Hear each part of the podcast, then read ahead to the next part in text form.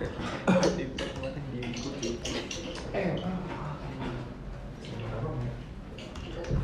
Kok gue gak bisa ngetik?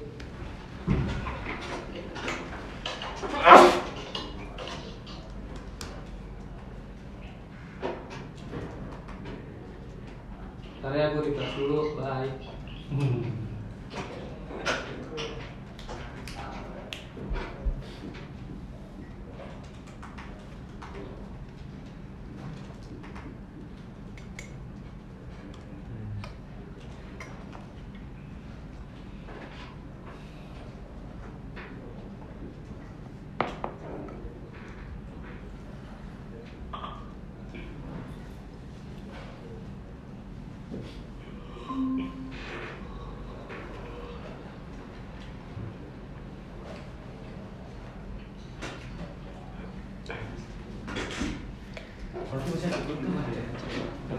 Tapi kalau recordnya dari ada nggak? Dari record semua ya? Kalau record dari mana? Dari tempat gua gitu Iya, ada videonya semua. Enggak, maksudnya kan gua nge-record apa? Hampir 12 selatan gua sekarang Oh, boleh Buset. Inception banget. Inception. Oke, minta tolong mix up ya Jeff, Benny Rekursif.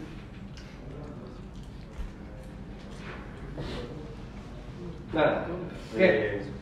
Yang mana? Yang mana? Kan itu ada as permission tuh buat record. Titip di accept, di recordingnya bisa jalan. Belum ada asnya. Will be removed backgroundnya anyway Iya sama nggak ada aksen. Oke, oke, oke, udah, udah, udah recording. Ya udah, jadi hari ini kita akan belajar tentang ini, how to read people. Jadi read people ini dalam artian kita baca gerak gerik orang sih. Jadi akan kita akan belajar dua hal secara garis besar. Pertama kita belajar tentang bahasa tubuh orang, satu lagi tentang muka. Dan nanti kalau lihat cewek kita bisa ngerti dia ngapain kita gitu. Oke, jadi ini outline secara garis besarnya kita akan belajar mulai dari underlying research-nya dalam artian kayak apa sih yang ada di belakang semua ini? Terus habis itu tentang communications itu sendiri. Lalu dua hal tadi gestur sama ekspresi muka. Nah oke jadi ada satu bapak tua ini namanya Paul Ekman. Si Paul Ekman ini dia udah research. Benar-benar dia hidupnya didedikasiin tuh buat human emotions expressions semua hidupnya tentang itu. Jadi dia research 50 tahun lebih kok hilang nah, saya ah, benar jelek. Nah udah 50 tahun lebih dia benar-benar fokus buat expressions human expressions and emotions. 50 tahun itu dia jalan-jalan ke pelosok-pelosok. Jadi dia ke Kalimantan dia ke Papua ke Afrika. Dia tinggal di situ dia hidup sama suku-suku tribal di sana. Beruntung nggak dibunuh sih orang ini. Nah habis itu dia dapat conclusion kalau human expressions itu global jadi ekspresi senang di mana pun itu selalu sama. Even di society yang nggak pernah ketemu sama dunia luar sekalipun. Nggak kenal internet nggak kenal media mereka tetap senyum ya tetap senyum. Happy ya begini ekspresinya gitu. Nah jadi kita akan belajar dari hasil researchnya dia lifelong studinya dia. Nah, communication sendiri kalau kita lihat ada tiga komposisi di dalamnya. Verbal words atau spoken words kita itu cuma 7%. Jadi kata-kata itu literally cuma 7% dari semua komposisi communications kita. Sisanya 38% itu dari suara, voice, tone. Kayak nada lu ngomong, lu mau nanya kan tuh kayak biasa agak raise di akhir gitu kan. Jadi ya begitu. Terus habis itu kalau lu ngasih informasi, lu harus kayak ngasih nada yang form nada kalau lu yakin gitu tapi kalau misalnya gue ngasih informasi tapi nada gue agak naik di belakangnya gitu kayak gue indikasiin gue nanya orang bakal jadi bingung. Terus terakhir yang lebih gede itu 55% adalah body language body language ini termasuk postur orang itu cara berdiri tangan muka semuanya itu 55% dari komunikasi. Jadi even kayak lu nggak ngeliat si Andre ngomong apa tapi dari bahasa tubuhnya lu bisa tahu kira-kira maksud dia apa. Gue nggak gerak loh. Oke, ini ini pasti agak susah. Jadi kita coba satu-satu ya. Jadi dari gestur ini gue cover gak semua, tapi ini beberapa hal yang bisa kita perhatiin buat kita tahu orang tuh kayak gimana gitu sebenarnya. nanti setelah ini bakal ada tendensi kayak lu lihat orang lu bakal perhatiin beberapa gerak gerik orang itu jadi pertama ada stance open sama close nah contoh close stance itu kayak si Gio tadi dia kayak lu bersila begini. Too close. itu close. Maksudnya dalam artian lu kayak nutupin diri lu. Close stance ini kayak orang-orang yang oh gue lagi pengen sendiri lu jangan ganggu gue lu jangan deketin gue jadi kalau lu lihat orang kayak mostly dia lagi begini gitu. Atau nggak dia berusaha nutupin. Mostly gak ada dia sih. Nah itu berarti dia kayak oh lu jangan ganggu gue mau sendiri lu jangan datang ke gue Oh, Nah, gitu. tapi kalau dia open kayak bang Kodir gini literally open kayak Come to papa. Nah, jadi kalau cewek gini. Biar open. Iya. Nah, orang-orang yang kayak gini sangat welcome di approach. Kayak lu kalau datang ke conference, lu bingung mau ngajak ngobrol orang, lu jangan ngajak ngobrol orang yang lagi begini. Atau dia megang gelas tapi megangnya begini gitu. Megang gelas harus gimana kalau megang gelas? Iya. Begini. Ya, dia cuma satu, dia nggak berusaha nutupin badan dia. Hmm. Itu stance pertama, dia ready buat approach untuk enggak. Nah, di situ yang kedua ini Yang mau diganti. tentang covering up. Jadi kalau covering up ini lebih ke arah kalau lu lagi ngobrol sama orang sih. Lu ngobrol terus lu kadang kayak suka nutupin kayak Alfon gitu, nutupin di depan muka, di depan mulut. Atau tau-tau kalau lu merasa lu salah ngomong, tau-tau lu tangannya kayak eh, gitu, enggak ke belakang, garuk Nah, itu salah satu gestur lagi buat nandain kalau lu nutupin sesuatu, ada sesuatu yang lu hide dari orang, ada informasi yang lu entah lu salah omongin atau informasi yang seharusnya lu sampaikan tapi lu nggak mau sampaikan anyway. Asik. Itu ada dua. Nah, terus yang terakhir, maaf cacat, escaping fear. Jadi kaki itu kan kayak apa ya? Anggota tubuh yang terjauh dari otak kita. Jadi dia selalu bilang kaki itu anggota tubuh yang paling jujur. Jujur dalam artian lu bisa kontrol gerak gerik lu yang lain. Kalau lu belajar tentang gestur, tentang body language, lu bisa manipulasi itu. Kayak lu tahu kalau lu nutupin mulut lu, orang bakal mikir lu apa ya, nutupin sesuatu. Lu bisa secara sadar tangan lu nggak di sini, tapi lu tahan tangan lu di atas meja. Hmm. Lu berusaha firm, lu berusaha gestur lu meyakinkan gitu. Nah, tapi kaki itu sesuatu yang lebih susah dikontrol. Nah, escaping fit ini akan sangat menarik karena kita bisa lihat. Let's say kita lihat ada dua orang lagi ngobrol gitu. Gue sama Rido lagi ngobrol. Biasa orang kalau ngobrol kan kayak berhadapan gitu kan. Nah, coba dong. Praktek. Praktek. Nah, jadi biasa orang kalau ngobrol, kalau gue bener-bener into sama orang ini, gue akan ngadep ke dia. Jadi kakinya itu juga bakal yang paling gampang melihat kaki. Kalau badan bisa kayak gini, tapi kaki gue ke arah sini, badan gue ke tuh bisa. Hmm. Ya kan? Nah, yang perlu diperhatiin kakinya. Karena ke mana arah kaki itu pergi tuh ke arah kaki nunjuk, itu nunjukin dia interest bener orang itu. Kayak, let's say, gue ngobrol sama Rido, tapi kayak kaki gue tuh udah setengah siap buat pergi gitu. Hmm. Gini ya. Iya, setengah kayak kaki gue satu udah pergi terus udah kayak nggak semuanya nunjuk ke Rido lah gitu. Nah itu kayak udah indikasi, oh nanti lo gue mau kabur dari lu gitu. Kayak gitu. Atau lo kalau dalam ruangan, lo badan lu lean ya, ngarahnya itu ke arah pintu terus, ke arah keluar terus, atau menjauh dari topik. Nah itu juga punya tendensi lu pengen, lu pengen escape sih, bukan pengen pulang. Lu pengen kabur dari situasi lu saat itu atau kayak kalau lu lagi meeting lagi ngapain orang kayak ada yang duduk gitu ya lu lean ke depan gitu lu bener-bener yang dari ke depan lu mengindikasikan kalau lu interest sama topik yang lagi dibicarakan sekarang. Tapi ada beberapa orang yang sukanya kayak dari ke belakang lenje-lenje gitu nah itu juga salah satu escaping stance gitu. Jadi lu kayak pengen menghindar oh gue nggak suka gue nggak peduli sama ini gitu. Jadi gue menghindari. Itu salah satu yang bisa kita lihat. Atau kalau orang nervous juga kita bisa lihat dari kakinya. Biasa kakinya nggak bisa berhenti. Atau dia main-main dengan sepatunya dengan kaki kursi gitu Kalau kami goyang gimana bu? nah ya beberapa orang ada yang punya kebiasaan itu. Jadi itu juga perlu apa ya jadi sebelum lu bisa analyze gestur atau body language orang lu harus punya baseline-nya dulu. Baseline dalam artian lu kenal dia secara normalnya kayak gimana. Jadi beberapa orang punya tendensi buat fidgeting. Let's say kayak mainin kerak baju atau mainin apa pun yang ada di tangan atau kakinya goyang-goyang gitu. Itu termasuk fidgeting nah itu lo harus apa ya lo harus tahu baseline-nya dulu. orang itu dalam keadaan normal kayak gimana. Biar lo bisa bedain. Ini normalnya dia atau bukan atau dia lagi ngelakuin sesuatu yang lain. Makanya kalau dalam interogasi lo biasa ditanya yang gampang-gampang. Nama lu siapa? Habis itu lo tinggal di mana? Selalu pertanyaan yang kayak gitu buat establish baseline-nya dulu. Orang ini postur normalnya kayak gimana? Oke. Gitu. moving on. Nah kalau micro expressions sebenarnya ekspresi muka yang sering kita lihat itu namanya macro expression macro expression itu ekspresi muka berada di atas 0,2 detik. Jadi yang lama kayak lu lihat orang senyum ketawa itu biasa makro karena itu gampang banget dilihat. Micro expressions ini sesuatu yang kayak terjadinya sepersekian detik doang cepet banget tapi ini nggak bisa dibohongin sama sekali. Dalam artian kalau lu benar-benar takut lu akan ada sepersekian detik menunjukkan ekspresi takut itu. Ya mungkin lu bisa nutupin gitu tapi secara nggak sadar lu bisa tetap akan ada ekspresi itu. Nah ekspresi ini ada tujuh dia kategori ini ada tujuh. Ini dari otot-otot mukanya. Jadi kita akan go terus satu-satu. Nah ini nanti akan berguna gitu buat apa ya buat kita lihat sebenarnya orang itu kayak gimana.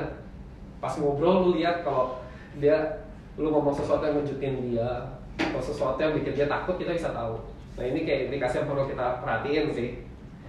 Nanti gua akan share jadi kalian bisa kayak lihat pelan-pelan. Jadi intinya surprise itu kayak gini. Dan yang perlu diingat tuh ini sepersekian detik dan gak bisa dibohongin. Jadi harus jeli. Makanya kayak nanti yang perlu di spot lebih tuh di area sini sih. Muka mata. Gitu ya. nah jadi makanya kenapa kita kalau ngomong tuh selalu dianjurin lu lihat orang lihat ke matanya Sombong ya karena nanti saat lu udah lihat beda-beda ekspresinya lu bisa tahu sebenarnya apa yang dia rasain Fear. nggak beda jauh sama yang tadi cuman kayak mukanya matanya sih kalau Aktor lebih menurut lihat ya? matanya Iya. Nah kalau disgas kayak dia jijik gitu sama lu paling gampang dia banyak kerutan, terutama di hidung sini sih. Ini sama yang perlu, perlu dilihat area mata. Ini kalau dia kesel sama lu. Ya. Gini kan. Cuman nanti kita akan lihat sih apa beberapa expression ada yang fake, ada yang honest expression. Karena kalau lu udah tahu ini, lu bisa apa ya? Lu bisa in- reverse engineering. Lu bisa secara sadar lu nunjukin kalau lu seneng gitu, padahal lu nggak seneng. Nah, jadi kayak salah satu cara paling gampang buat lu tahu orang ini honest atau enggak ekspresinya. Kita human itu sangat suka sama yang namanya simetri. Hmm. Jadi kalau ekspresi mukanya kiri dan kanan itu simetris, itu dia jauh lebih jujur. Kalau orangnya nggak jujur, ekspresi yang dibuat-buat cenderung nggak simetris. Let's say kalau senyum gitu, bibirnya naiknya cuma ke satu sisi, yang satunya nggak terlalu naik gitu. Itu sering kayak kalau lu perhatiin orang banyak yang kayak gitu. Iya. Toh kita bisa yang paling gampang kita belajar bedain fake smile sama true smiles. Smiles yang fake itu kayak lu ini ini fake banget sih. Kayak kalau lu lihat dia bibirnya aja nggak simetris gitu kanan kiri. Iya. Pipinya sih lekukannya. Oh iya. Nah habis itu Kalau yang habis tabrakan gimana? Stroke, itu stroke, salah satu stroke. yang bisa dilihat lagi yang paling gampang kalau smiles itu dari close fit-nya ini. Jadi kalau lu senyum di sini kayak ada tiga wrinkles gitu. Nah, kalau itu nggak ada, itu udah pasti fake. Karena kalau lu senyum yang beneran, mata lu pasti agak ketutup, otot lu di sini ketarik. Jadi crossfit itu indikasi yang sangat meyakinkan. Semakin kerurutan lu, fake smile lu. Jadi lo tahu pas lo joke, lo bikin jokes gitu, siapa yang cuma ketawa sopan, siapa yang bener Coba kayak gitu, Pak. Oke. Nah, apa sih yang perlu kita tahu ini? Kita tahu biar kita bisa lebih menempatkan diri sih. Maksud gue dalam berkomunikasi, saat gue tahu apa yang orang lain pikirin, lu bisa react sesuai. Kayak kalau orang itu udah nggak suka sama lu, dia udah berusaha kabur terus.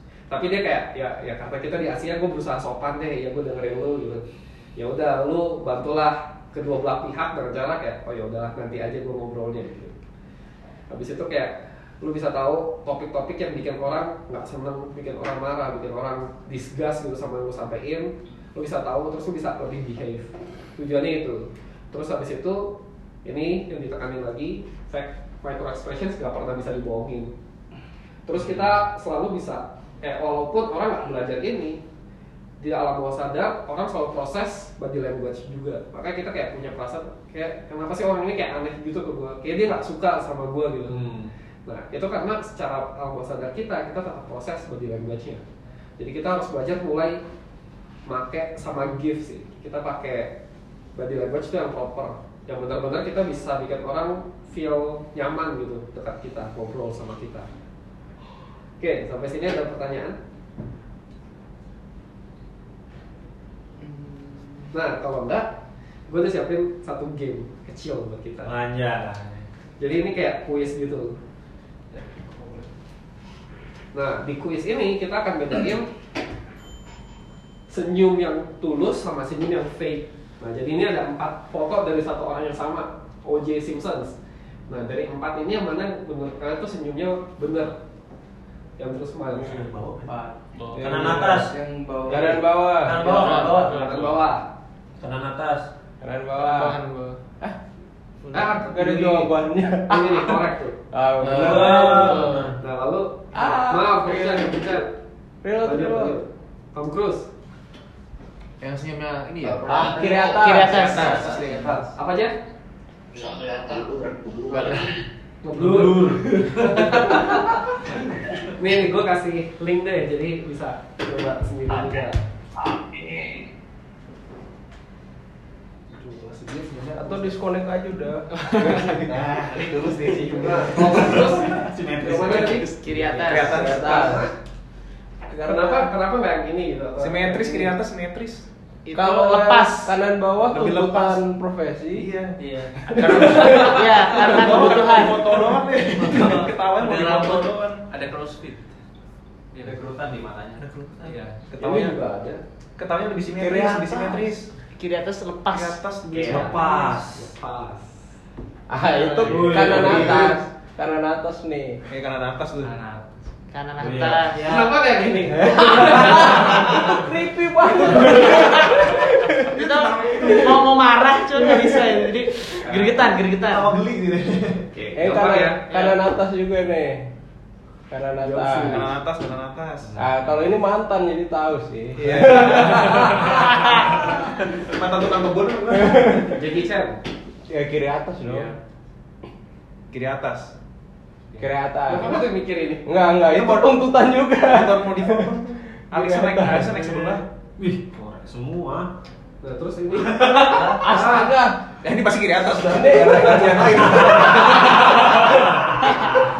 Gak ada yang lain. Ya ini kayak internet kita sih yang jobel. Ya, cuman intinya itu sih, ini yang paling gampang kita praktisnya bedain smiles. Jadi kita bisa tahu orang yang bener, antus tertawa bersama kita, ngetawain kita, atau dia cuma Ngetawain. Ketawa sopan. ya, atau dia cuma ketawa sopan gitu. Tawa menghargai. Ketawa sok ya, kayak Andre kalau ngejok kan. Udah diem. Oke, ada pertanyaan sampai sini? Gak ada? Andre, eh tadi kan katanya kalau ketawa bisa nggak simetris. Kalau marah juga ada marah bohongan nggak? Bisa. Marah bisa simetris. Iya, bisa ngebluff. Itu biasa apa ya kayak psikolog atau enggak interrogator mereka sering ngebluff. Siko. Atau kalau lu orang-orang bisnis gitu sih kebanyakan. Kalau kita harusnya lurus-lurus aja ya orang. Kalau bisnismen gitu mereka mau closing, mereka mau close deals gitu, mereka biasa suka ngebluff Tuntutan. tuntutan. Oke, yaudah kalau gitu gua matiin recordnya kita akan gimana cara matiin? Tutup telepon. Oh enggak. Nah, oke. Gak percaya. Sekarang sesi off record kita lebih pengen kayak terserah sih sekarang lo boleh nanya apa pun tentang tim kita, tentang iOS, tentang Tokopedia. Gua akan jawab sebisa gua. Benny sama Jeff kalau mau nanya silahkan. Kapan jadi IM? Oh ini ketawanya lepas nih. tadi. Belum tahu saya. Oh, bisa nih. Enggak, gue juga belum tahu. Jadi kalau sekarang IM-nya kosong, kan Ko Acan naik jadi head, head of engineering. Nah, IM-nya kosong. Jadi kalau di India udah ada si Meet Gupta, di Indo belum. Nah, tapi di Indo kita punya empat list. Jadi kalau Aceh sekarang kayak ngerangkap gitu, head sekaligus dalam tanda kutip IM buat di Indo. Tapi duduknya masih di ruangan kita tetap di satu itu. Kayaknya selamanya dia di situ. Oh iya, walaupun jadi udah nanti ada M, dia di head. Kan jadi head of engineering for iOS team. Hmm. Jadi ranahnya dia tetap iOS team. Ya harusnya tetap dekat dengan kita. Kok ini ada yang sesi kok tadi ada bukunya udah pernah baca belum? Yang mana? Eh, judulnya yang What Everybody is Zona Baru. Oh iya, gua ada bukunya si John Navarro, agent FBI itu kan. Iya, dia Iya. XFB. Aku juga sering baca itu. Atau enggak kayak lu baca researchnya Paul Ekman seru sih. Dia banyak kata. baca lu. Atau kalau penasaran ya ada film tuh Lie to Me judulnya. Tapi lu cari yang US karena Korea juga bikin Lie to Me. Tapi itu drama jadi waf-waf nggak jelas gitu. Nah film ini dia apa ya ada apa sih namanya kayak penasehat agung yang tidak ajaib. Nah penasehatnya itu si Paul Ekman-nya. Jadi dia ikut mensutradarai, dia ikut kasih suggestion. Jadi di dalam film ini kalau mau belajar baca micro expressions, ini lebih jelas lagi, lebih enak. Karena dia case by case, Delapan. TV series kok. TV series. Dia kalau nggak salah ada empat ya. Gue lupa ada berapa series. Cuman kayak series yang bagus tuh season 1 2. Season belakang udah jelek.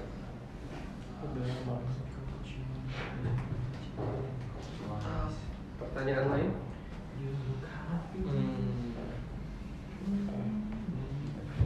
Bingung mau nanya apa. Kapan topet berdiri? Kapan nikah? Nggak tahu Mulai aja lagi. tahun. Apa sini? Lu tinggal ngitung aja, mereka ulang tahun ke 10 kan? Oh, iya. Jarangin 10 Jam berapa dibentuk? Nggak tahu nggak. Jangan jadi pas-pasin itu biar pas mau bikinnya Iya, aku pernah baca beritanya katanya itu dipas-pasin. Dia di mas. Oh, Iya. ya? Emang dipas-pasin. 17 Agustus. Di pas masih. Nggak ada nih Oh ada, Eh, berarti kalau misalnya head of iOS berarti head yang keseluruhan buat ngepalain mobile itu nggak ada berarti? Masing-masing VP. Oh masuk VP ya? VP mobile. Gue jadi VP. Ada siap Ada siap. Ada siap Kalau dikasih mah ya nih Oh, BBA ya. Terima sepuasnya. Gue dukung sih kalau itu Gak dukung dah. Gua dukung banget. Gue bisa tiap bulan pulang. Tiap bulan pokoknya sendiri bayarin. Nah, Udah nih, nggak ada lagi Gue pengen ditanya Oh, pengen Iya, ditanya. Pengen tanya. di. Kenapa sih? Iya. Iya benar itu itu pertanyaan kita. Kapan naik? Gue mewakili nih. Kapan naik GDIM? Kan udah tadi. Berarti tahun besok kemungkinan besar ada IM. Semoga kita doakan Amin Fer Amin, mantap. Itu udah pas. Fer, pernah nggak ada email Kayak email kayak pengen nge-hijack seorang Veriko kayak gitu Iya. dari perusahaan lain. Terus kena, kenapa? Kenapa lebih memilih Tokped daripada. Traveloka, daripada dia daripada Shopee? paham buat match-nya dia nih Punya alasan. Udah tanda tangan nggak Oke. boleh. Kalau di LinkedIn rame yang message Ada aja Iya. ya Nah tapi kenapa milih Tokped Sudah di hati. Jadi kayak dulu ya, dulu pas gue lagi nyari kerja, gue apply ke banyak tempat. Gue apply ke Hmm. Travel, Tokped, BL, KMK, semua kayak gue apply. Lazada juga gue apply waktu itu. Hmm. Nah, habis itu kayak kenapa Tokped? Karena Tokped yang pertama kali Terima. proses. Jadi prosesnya cepet banget. Oh. Kayak satu minggu selesai gitu semua interview, kalau gue dikasih offering.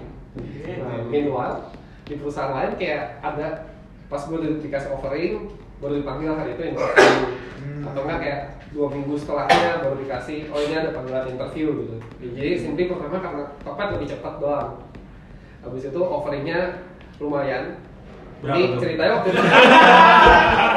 Waktu fresh Awalnya awalnya awalnya berapa? jadi awalnya ya di hari itu gue kayak pengen interview ke tempat lain KMK nah pagi itu juga gue ditelepon sama Destiny. Dikasih offering. Nah, di situ setelah gue interview sama KMK, offeringnya kayak beda jauh gitu. Tokped lebih tinggi. Berapa tuh? Tingginya berapa tuh kan? Lebih tinggi sekitar 5 juta. Lima. Bedanya, bedanya. Itu waktu fresh graduate. tinggi banget Fresh Gua, graduate gua juga. pas kuliah gua sambil kerja. Oh. Tadi susah di topet lima lima? Pajak sekarang berapa tuh pajak? Pajaknya tiga puluh persen deh. Iya. Enggak, enggak aja sampai juga 30. Jess. Kira-kira berapa persennya? Berapa persen dari Jess? Berapa persen aja? Langsung banyak. Langsung banyak pertanyaan Berapa aja. persen dari Jess katanya? Wah ini ini Setengahnya lah. Statusnya ratus. Dua ratus lima puluh kawan dua enam puluh. Terus dua kan lima. Setengahnya. Iya. Satu tujuh puluh. Berarti kakak satu tujuh satu lima. Gendeng. Iya. gak kebayang Pas masuk bisa nih. tiga juta berarti sebulan. Nah, pas masuk kan gue ditanya kayak ekspektasinya berapa? Gue sebut satu angka, terus dia langsung kayak Frank mau kayak gue sebut itu. Gue merasa bodoh. Ah. lo offering berapa kan minta minta berapa kan Enggak gua dulu. di record lagi Enggak, enggak. Jadi offeringnya sesuai permintaannya itu. Iya. Jadi nggak diturunin gitu. Terus gue langsung bodoh. gak coba nawar lagi gue udah takut karena waktu itu gue kayak udah banyak aneh-aneh. Oke, gue selesai interview itu bulan Januari. Gue udah diterima dari Januari, tapi gue bilang gue baru bisa masuk satu Mei. Jadi gue kayak suruh topet tunggu gue gitu lama. Terus habis itu kalau gue masih mau aneh-aneh sama gaji, gue takut gue ditendang. ditendang pas udah masuk ya.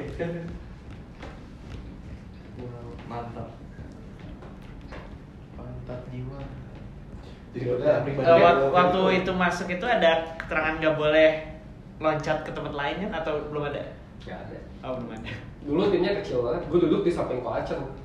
Semua orang manggil dia Ko Acen, Ko Acen. Habis Bentar itu, lagi juga tapi kok. yang nge-select gue Tomito. Terus gue gak tau Tomito itu Ko Acen. Iya, iya, Gue iya, iya. gangguin Tomito terus. Kayak. Lu gak tau oh itu IM eh, IM-nya ya? gue gak tau itu IM dia di sebelah gue, gue kira engineer biasa. Jadi gue kayak error-error gak jelas, gue tanya Ko Acen terus. Lu aja nanya. Iya bener. Waktu itu udah. Gitu. Mantap. Ya udah kalau enggak, sekarang kita bahas aja. Kan kita ada beberapa ide tuh. Nah, kita bahas apa mau kita lakuin. Ya. Yuk, kita ke sana aja. Oh balik lagi. Bye aja, bye duel. Kolaborasi gampang kan? Iya. Mantap.